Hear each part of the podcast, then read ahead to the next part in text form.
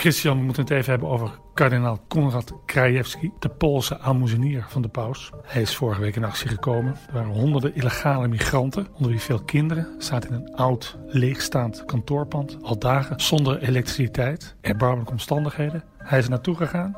Hij heeft het zegel verbroken van de elektriciteit. Alles is weer goed. En weet je hoe ze hem noemen? Nee. De Robin Hood van het Vaticaan. Als hij de Robin Hood is, wie is dan Friar Tuck? Dat kan er maar één zijn. Paus Franciscus?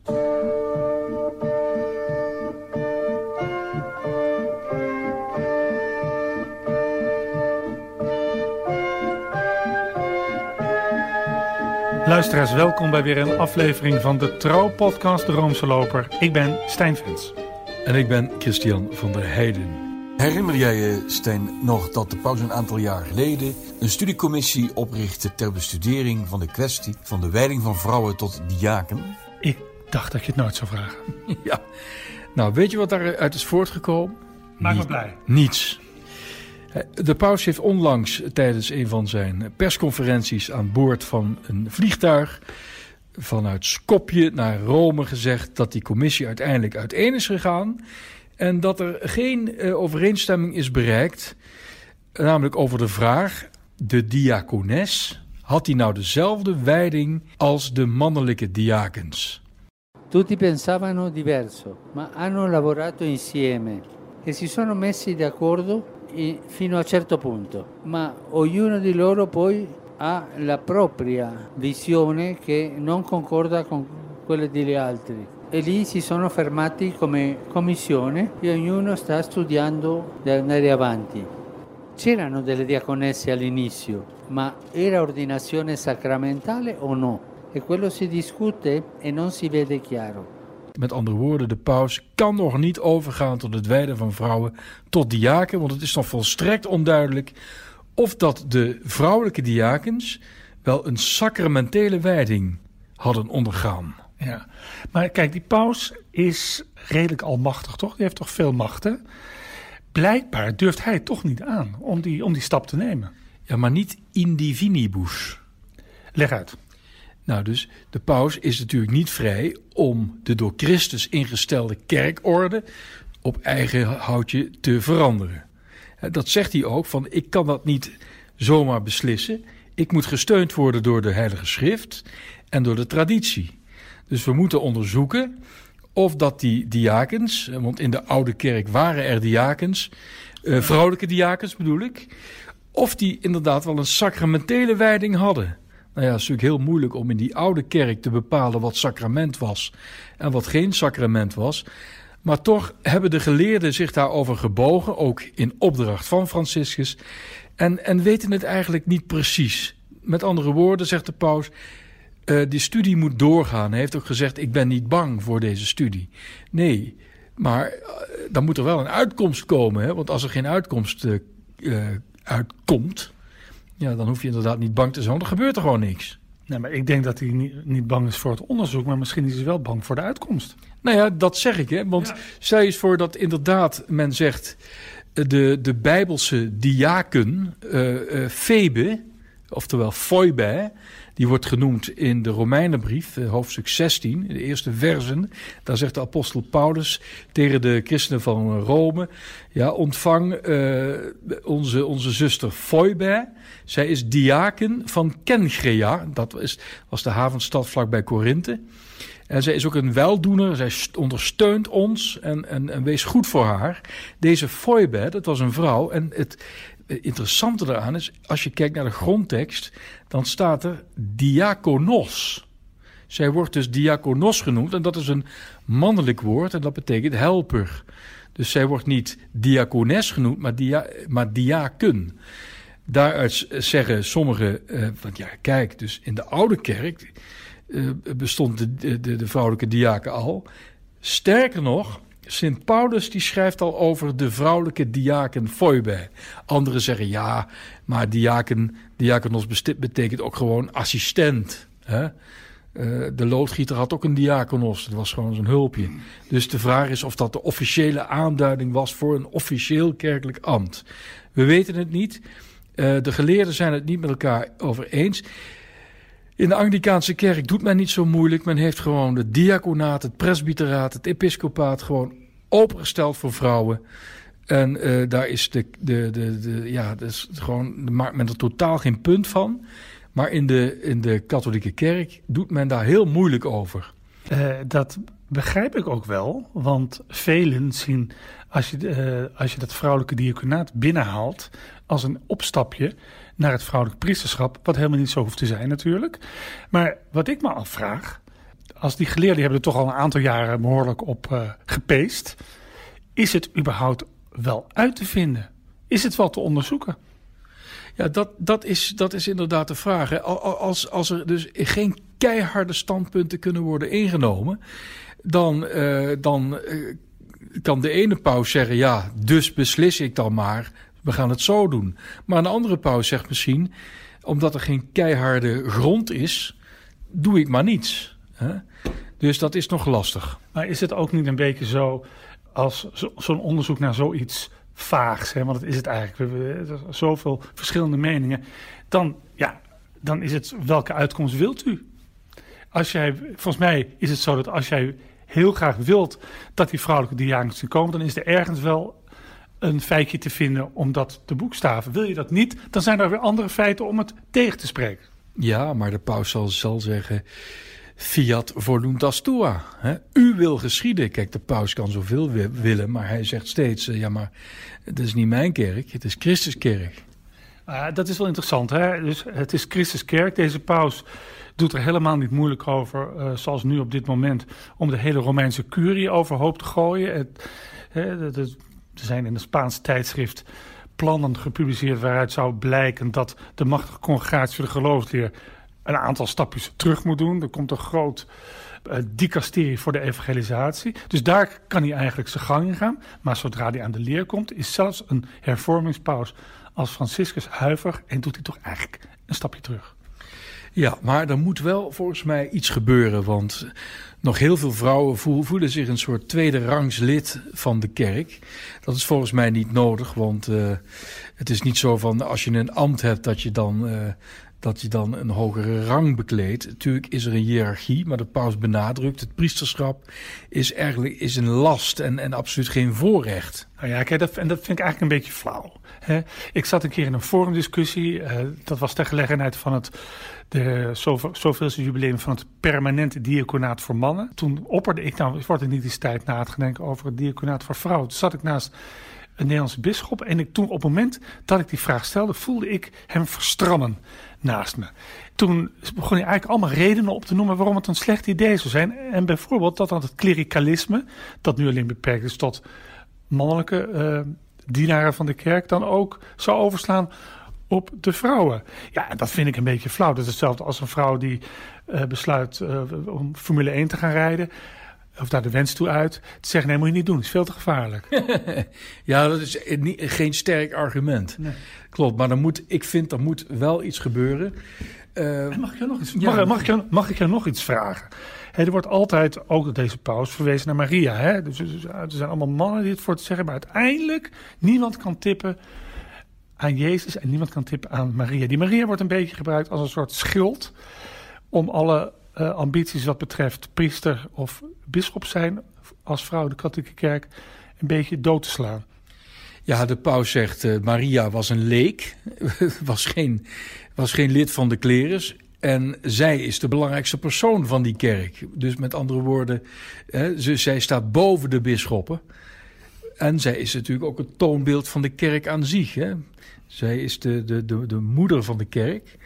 En, uh, en de kerk moet eigenlijk ook mariaal worden. Maar goed, dat is allemaal vrome praat. Ik, ik snap heel goed dat er onderhand iets moet gebeuren. Dat, waarom zou het nou niet kunnen?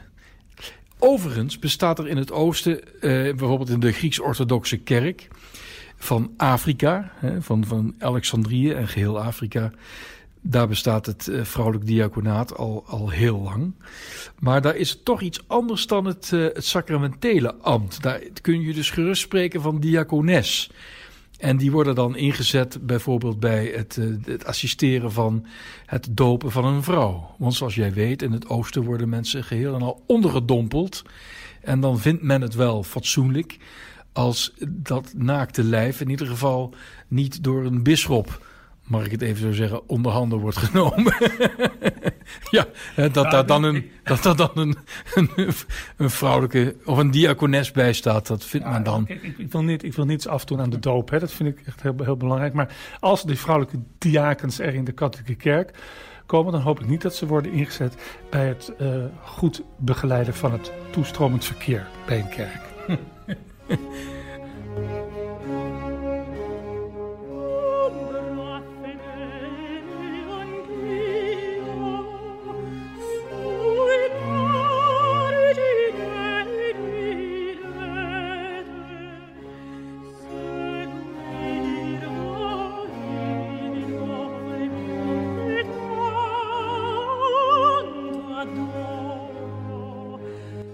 Gesproken over vrouwen in de kerk. Stijn, jij weet dat ik een grote belangstelling heb voor eh, lichamen eh, van heiligen die niet zijn vergaan.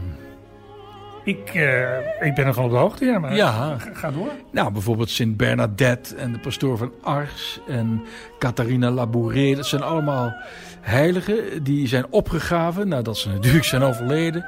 En wat oh, blijkt, hun, hun lijken, want we moeten het gewoon bij de naam noemen, lijken, zijn dan niet vergaan. Zij zijn niet verrot. En ze worden dan vaak extra geconserveerd. Uh, soms wordt er een beetje een waslaagje op hun gezicht gelegd. Maar in ieder geval zijn ze niet onderhevig aan het uiteenvallen, aan het rottingsproces. En een van die heiligen kwam ik zo tegen, ook een zeer sterke vrouw is de heilige Catharina van Bologna. Mm Wij kennen natuurlijk de, de machtige Catharina van Siena. Maar Catharina van Bologna, nou, die mag er ook zijn. Zij was een uh, claris en zij leefde in de 15e eeuw. Het merkwaardige van haar onvergaande lichaam is dat zij niet ligt in een schrijn, maar dat zij zit op een troon. En dat kun je allemaal zien in een kapel in het Corpus Christi klooster in Bologna. Uh, dat is werkelijk een fantastische, uh, fascinerende plek.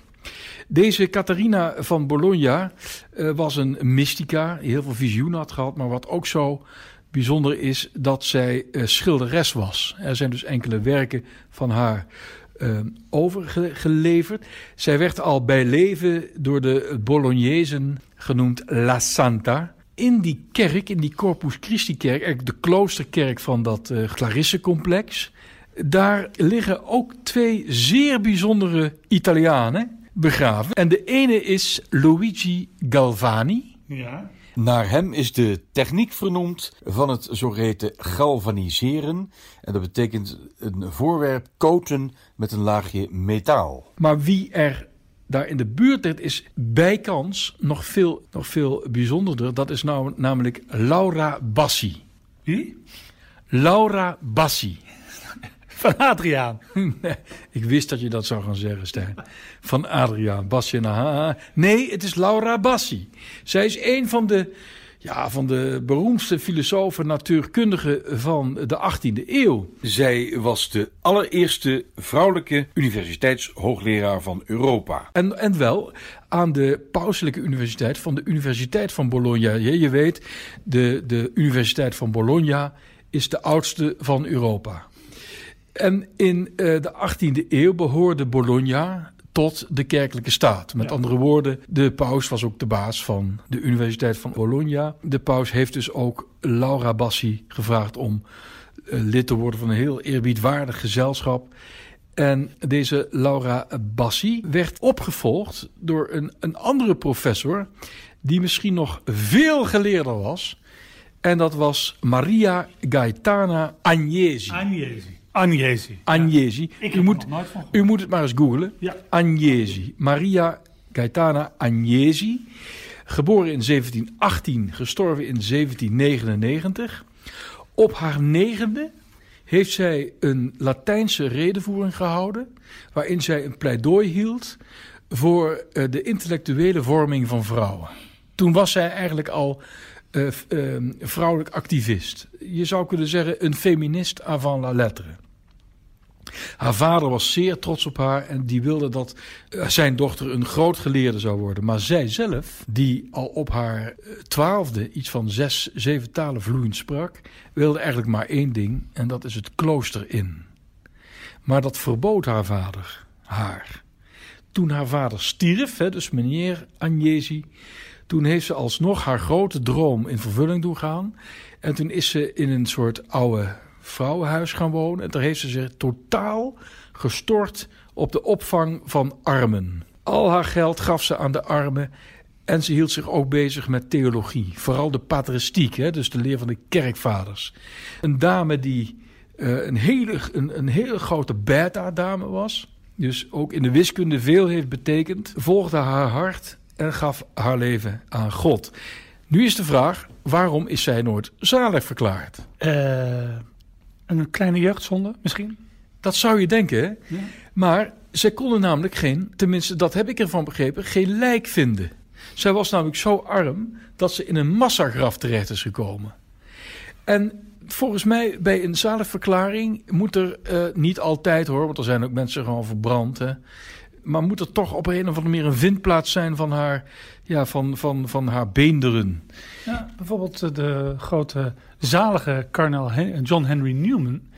Die zijn ze ook gaan opgraven. Dat, daar was ook niks meer van over. Nee, maar ze wisten wel precies waar die lag. of waar die gelegen had. Ja, maar er was niks. Nee, die was helemaal vergaan. Hè? Ja. Godzijdank voor hem, hè, want hij zou, zou het afschuwelijk gevonden hebben om zo tentoon te worden gesteld. Zoals bijvoorbeeld een Catharina van Bologna. Maar misschien kun jij een keer een pleidooi houden voor de zadenverklaring van deze grote geleerde, deze, deze topvrouw. Niet alleen van de, van de wetenschap, maar ook van de liefdadigheid.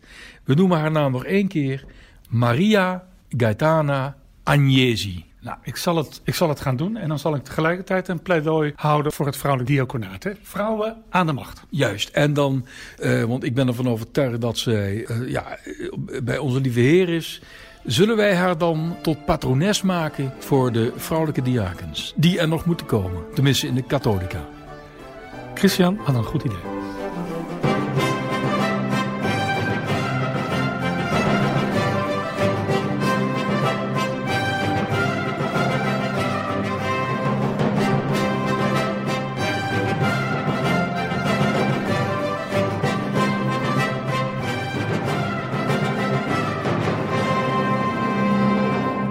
Op 23 mei gaan we stemmen. Dat is wel de bedoeling, ja.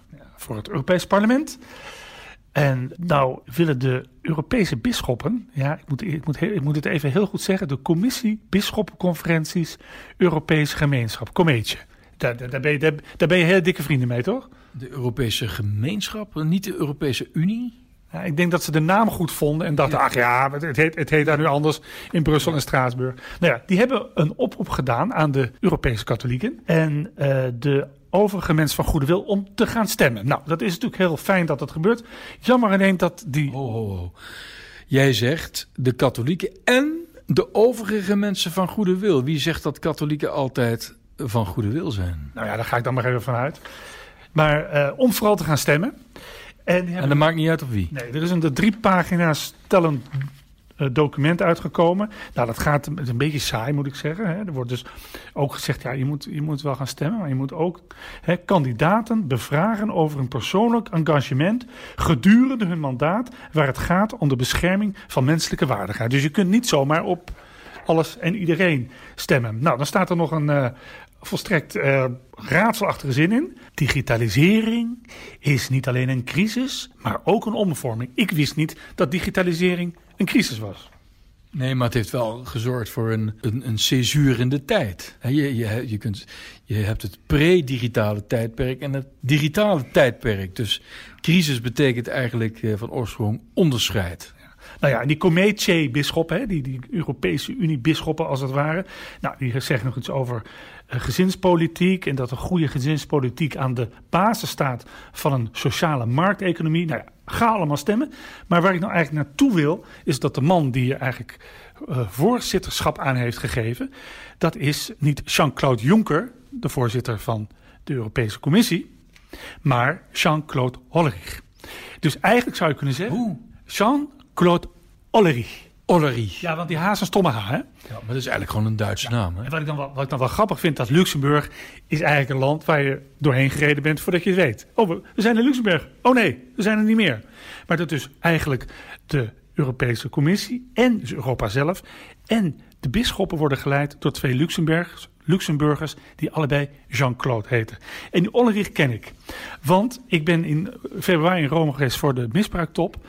Dat, ja, die moesten allemaal naar die zaal, die, die zaal van Nervi, hè, naar die synodezaal in het Vaticaan. Nou, daar stonden hekken en er stonden heel veel journalisten en slachtoffers. Nou, de meeste bisschoppen, die uh, hadden er niet zo zin in. Dus ze zorgden altijd dat ze via een achterdeur naar binnen kwamen. Alleen niet deze Jean-Claude Ollerich, Luxemburger, aartsbisschop van Luxemburg. Zijn, zijn uh, bisschopskerk heet Notre-Dame de Luxembourg.